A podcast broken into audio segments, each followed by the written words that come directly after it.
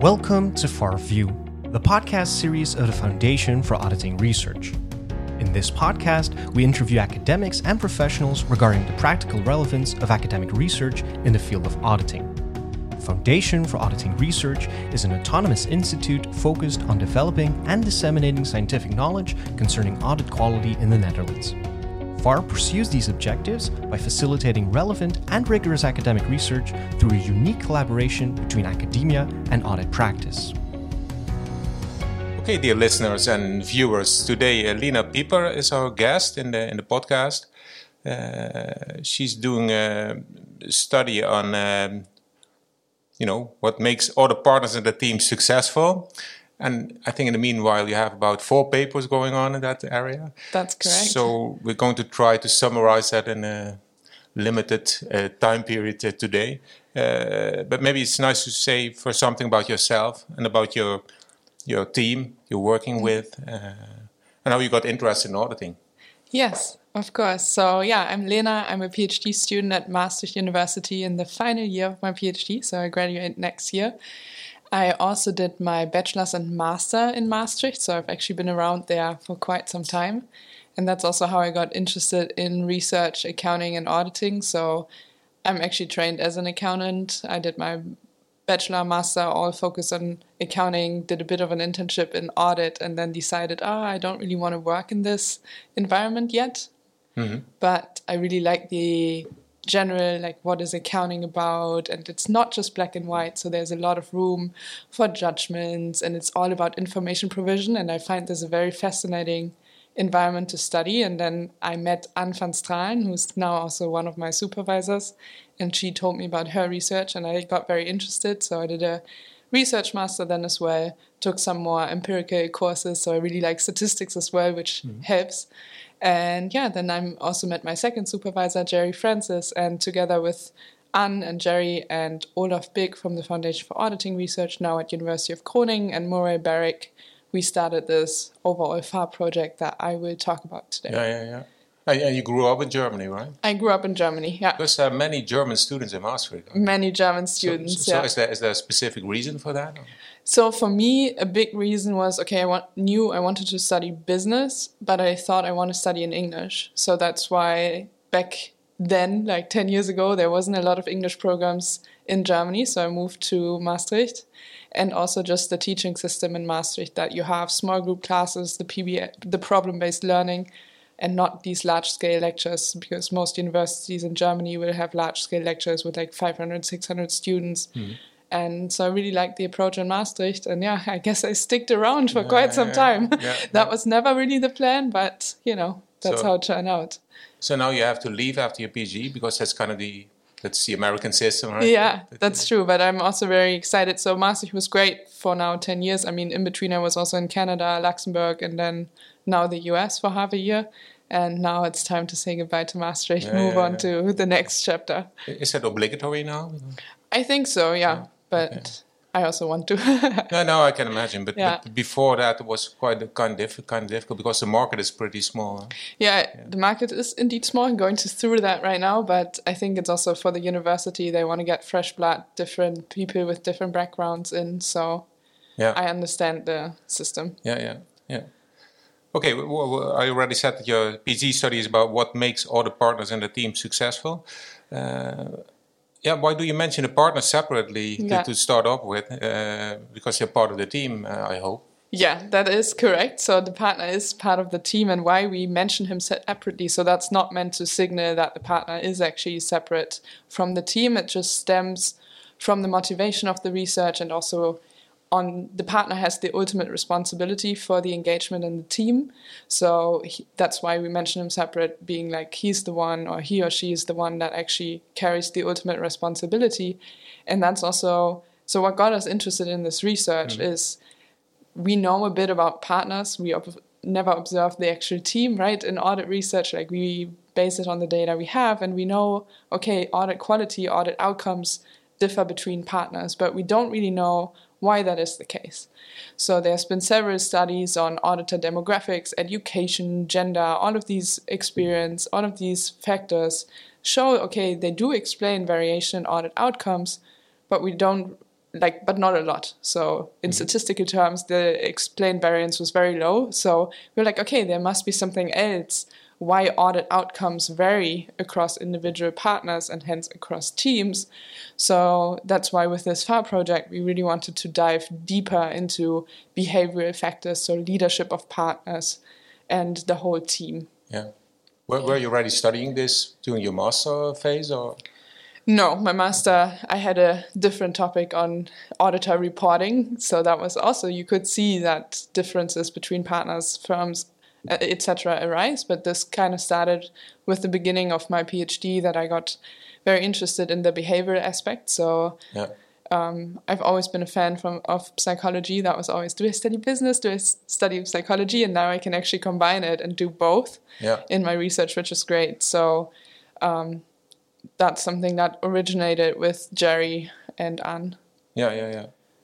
Yeah, you already said something about it, the team functioning. Why is that so important? Yeah, And why didn't they spend more time on studying that before? yeah. So why is team functioning so important? It's the entire audit is eventually conducted by an entire team. So that multiple people come together, they work on tasks together, they do judgments together, and that ultimately affects what we think the audit outcome. And it hasn't really been studied because the data just hasn't been available. So we're normally constrained to what's available in terms of archival data or to experiments. And when it comes to archival data, we just didn't have any data. So now that we have the Foundation for Auditing Research, they give us access to what we usually call the black box of auditing. Mm-hmm. So we only observe the outcomes, like the audit opinion, audit fees. That's data that we can work with. But the whole audit process that is conducted by a team, we couldn't observe. And also in experimental work, there has been some studies on teams, but it's very difficult to have an actual team perform a task in an experiment. Mm-hmm. So that's why I think this research is very important in helping us understand what ultimately drives audit quality. Mm-hmm. And why is team functioning so important? So we like first we need the definition of a team. So if individuals all come together and just work on a task, that's not a team. So for a team to really be a team, so we call this a real team instead of a working group, is that we have this shared sense of working together. We have a joint goal that we want to contribute to. And this feeling of togetherness, that's something that needs to emerge. And that emerges through different, you know, team dynamics. Am I committed to the team? The leader plays a very essential role in this. So that's why we focus so much on team functioning in our studies to really understand okay, when does this state of a real team emerge and how does this ultimately then affect the performance? Mm-hmm. So, in short, team functioning is an antecedent of team performance. And we argue that team performance, and we want, also want to study this, if the team performs then better, in the end, also the audit mm. quality will be higher. So, well, this makes me think about the, you have these individual performance assessments. Do they, does that also exist for teams? Because you, you can call it team performance, but that's that's pretty elaborate, I guess. I Yeah. know. What, what is mainly looked at and what could be looked at more, maybe. Yeah. So unfortunately, we don't have really an archival measure of team performance besides the usual suspects of like team efficiency and also the audit outcomes that we look at mm-hmm. because that's in the end a function of what the team has been doing. When we study team performance in our study, it's assessed by the partner or the lead manager and also by the team themselves. So we ask, do you meet your deadlines? There's a lot of different scales coming from the organization behavior literature that we borrow on this. So in the first study where we indeed have individual performance ratings, that's really assessed by the firms, mm. but there is no real formal team performance assessment in the firms. And that was actually one of the recommendations that we also gave early on when talking to audit firms that they need to have it doesn't need to be formalized like written down, but they need to have moments within the audit process where they come together and evaluate the functioning of the team. Why, why, why doesn't that happen? I think it does happen in part, and we can't really see it. So I'm sure they will come together, have a beer, have some pizza, and talk about the team. But um, I mean, the audit is stressful, so I don't know to what extent they spend a lot of time on these, you know, what we in team science call very important steps to actually get to a team. So setting up a proper team, having like a team mission, all of these things we know from research are needed, but they're often neglected due Yeah, to yeah. time pressure. Yeah. Okay. You also look then at to make it even more complicated yes. at partner manager dyads. I, I, I looked up. I looked for the definition and I found that's a group of two people, which I kind of like. So Yeah. uh, maybe you can tell a bit more about that. Why, why is that so important? Yeah. So yeah, you asked before, okay, what why why is the partner separate from the team? And that was just because the partner is a key leadership figure. And that has been studied a lot because of data availability. We focus on the partner. But if you talk to auditors and real life audit teams, they will tell you, hey, there's not just one leader, there's actually multiple leadership functions within the team. So when it comes to team functioning, the leader actually plays a key role in ensuring that a team works well together. So in the audit, we actually have this dual leadership structure that's also recognized by the auditing standards, where they say, okay, the audit partner actually delegates part of his or her responsibility to a responsible engagement manager. Again, something that we don't observe from the outside, in most countries at least. So we only know, okay, there is a partner, he's signing, but there's an engagement manager. And we say, okay, it's actually the combination of the partner and manager that's so critical in leading the team, in making decisions within the team, and ensuring that the team functions well, that we want to study how this dual leadership structure influences the team and yeah, the performance of the team. Mm-hmm. And that's a pretty unique setting, but it also applies to, you know, consultancies have often the same system in place. So there's other other contexts where you now see dual leaders. It's just an audit, it's very traditional that you have multiple leaders on the same team.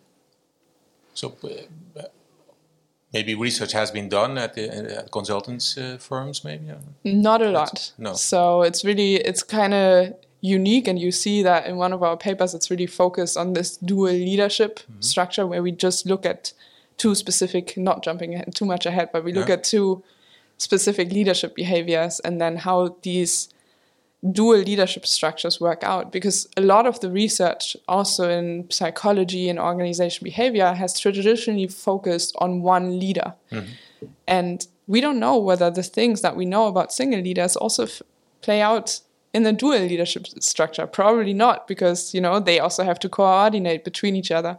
Yeah. so there's not a lot of research on this dyad, which again for me and our team makes it a very exciting Yeah. topic to study. So it could also end up in a management journal, maybe. Yes. Yeah. Yeah. Yeah. Okay. Yeah. Interesting. Um, or you you you s- sent me your job market paper. I don't know how you call that. The, Yeah. the what was it called? The again? personality paper. Yeah, it was not the paper. It was this general document. Ah, the uh, research statement. Yeah. Yeah, you refer to a, a, a, an article by Mary Barth. That's called uh, "A Learned Profession: The Role of Research." Yeah. So maybe you can tell a bit more about that. How uh, you endorse her vision? Uh, does she promote evidence-based auditing or evidence-informed auditing? Can, Yeah. can you tell a bit more about it? Because that probably also relates to what you're doing. Yes, what one hundred do? percent. So let me take a step back. So in her paper, and there's multiple papers on this. Um, it's more opinion pieces. They This is part one. I think. yeah, there's multiple professors who were invited to talk about this. So this vision that audit accounting is a learned profession isn't new. So a learned profession generally refers to jobs where the connection between research and education is very strong and that you need a lot of insights from research to inform education and the job. So traditionally that's been like the study of law, medicine, theology and now also engineering where we say okay, research science really matters to drive forward the education. And there's been this call that accounting should be one of these learned professions as well. And what it ultimately indeed means that we have more science based education, more insights into accounting, auditing, and that this drives the education of auditors, regulations, etc. And in this article by Mary Barth, which I think is a great piece, and that's why I, re- I really endorse that vision and I want to contribute to that growing forward in my career, is that we need to have close collaboration between practice and science. So FAR is a great and one of the few examples where this is actually possible, right? So also how this project evolved over time is us as the research team talking about the firms and asking like what is problems that you're facing, how can we help? Mm-hmm. So having more science-based insights into the audit firms, into the audit can ultimately help the audit firms to yeah have higher audit quality, what mm-hmm. they're striving for. So it's just yeah an open call to um, that's my interpretation is her article is an open call saying okay we need to closer communicate with practice to have solve real problems and then also she talks a lot about communication back to mm-hmm. academics practitioners so that we don't just sit in our ivory tower at university and do stuff that only we guys as academics like but that we actually talk to the audit firms mm-hmm. as well does does she have an idea about how to organize that? Does she come with examples? Or? No, not really. It's yeah. more like she talks about four different points on how to get there, and it's or how to get to this vision that accounting becomes a learned profession. And one of the key arguments is that you also communicate outside of academia. Yeah. And I think FAR is a great example for this. Yeah, so. yeah, yeah, yeah. Okay, great. Yeah, well, maybe you can tell a bit more about your your dissertation, the structure, maybe, and yeah. uh, briefly the, the, the, the, topics you're, you're covering in the in the studies. Sure. So I always, also when presenting at the FAR conference, I always use this framework to lay out, which essentially is my dissertation. And first, on the first level, we have, if you imagine the hierarchical structure of an audit team, like you have a partner, you have a manager, and then the engagement team. So, in the first chapter of my dissertation, I look at the partner and the manager separately and look at their individual characteristics and how this affects their individual performance. So, to understand, okay, why do we see differences in behavior, differences in outcomes across individuals? And I rely on OB and psychology literature to see, ah, the role of personality is actually something that's quite important. So, even if you control for mental ability or IQ, education, personality really matters for individual performance. OB is organizational behavior. Organizational behavior, yeah. So that's the first part that I look at the personality traits of auditors and how this affects their performance. Mm-hmm. Could you give an ex- example of these traits? Yeah, so for example, um, conscientiousness, so I'll use established models in psychology. So there's this normally seen as like the large five traits um, and one of them is, for example, conscientiousness, which captures how diligent you are, how hardworking, your detail orientation, or extroversion, how extroverted you are. So those are some of the traits that I look at. And for example, extroversion is one that very positively affects performance. And also conscientiousness, if you think about the role of an auditor, right, being very detail oriented is a good thing. And we see that this really affects their technical skills. So um, yeah, that's something that we study in this first paper is looking at the partner and the manager and their personality. And then next we combine these two and say, okay, the partner and manager actually work together, and that's the dyad. Mm-hmm. So and in that dyad, um, we first study, okay, who are these partners and managers that work together? And we leverage the theory of homophily, so that you know, like likes alike mm. so that people prefer working with someone who is similar to them. And we study this to see okay does that also happen in the audit context? And we focus on working style so which captures their leadership skills commercial and technical skills and see okay if the partner and manager work together are they more likely to be similar in those?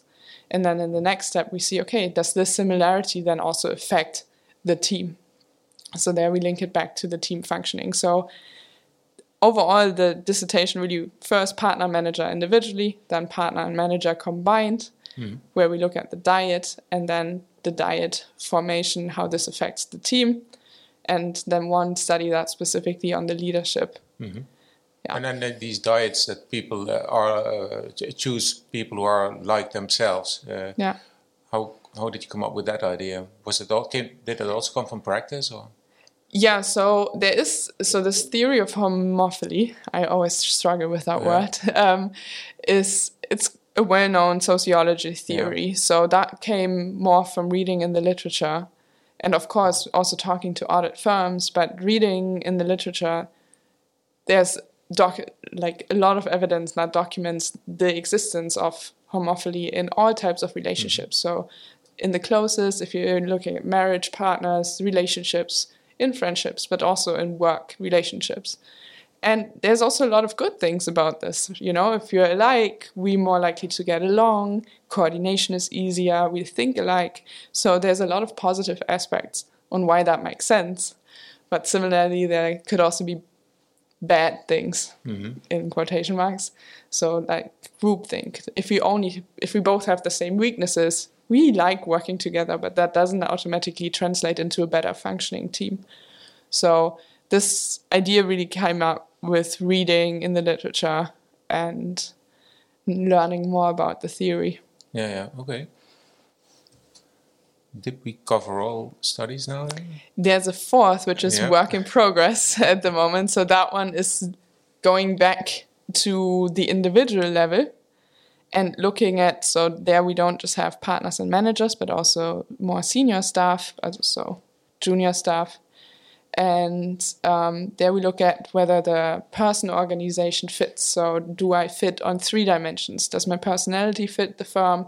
Does my expectation for the organizational culture fit to the firm? And my identity, like my professional identity, do I strongly identify with the audit firm? And do these three aspects, so we refer to this as the person organization fit, does this predict turnover intentions and performance? within the audit firms. And that's kind of also answering one of the key problems the audit firms are currently facing is their huge turnover and that they have trouble um, attracting talent. So with this paper, we want to see whether we can actually predict who's going to perform well and who's going to leave the audit firm based on how well they actually fit to that particular audit firm. Okay. So that will also be part of the dissertation. Yeah.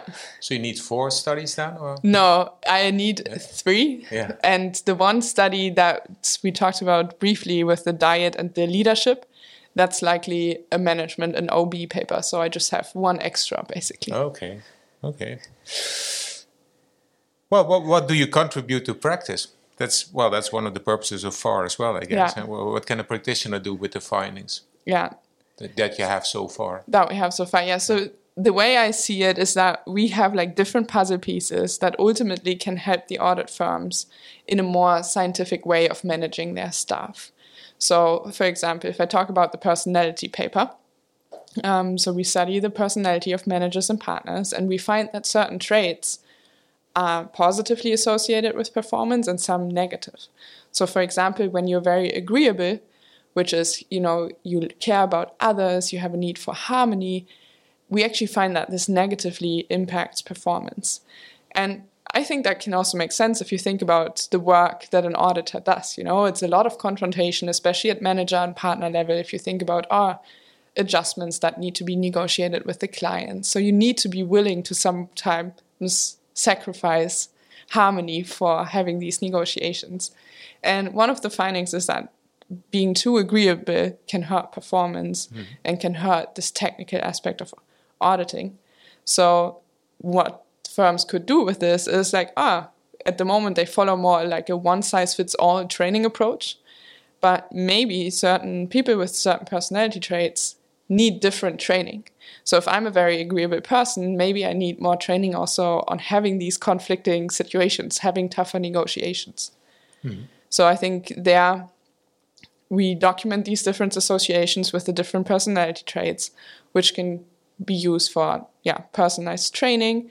It can also be used for you know showing the audit firms that they maybe promote a very typical individual. So if we look at the partner level, the the variance in personality traits is very low. There seems to be across all 10 firms. So we work with 10 audit firms in the Netherlands.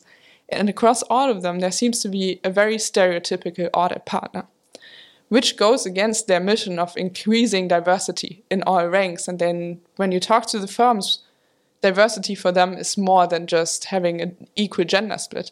It's having people with different opinions, different backgrounds. But then they seem to promote a very stereotypical person to the highest ranks.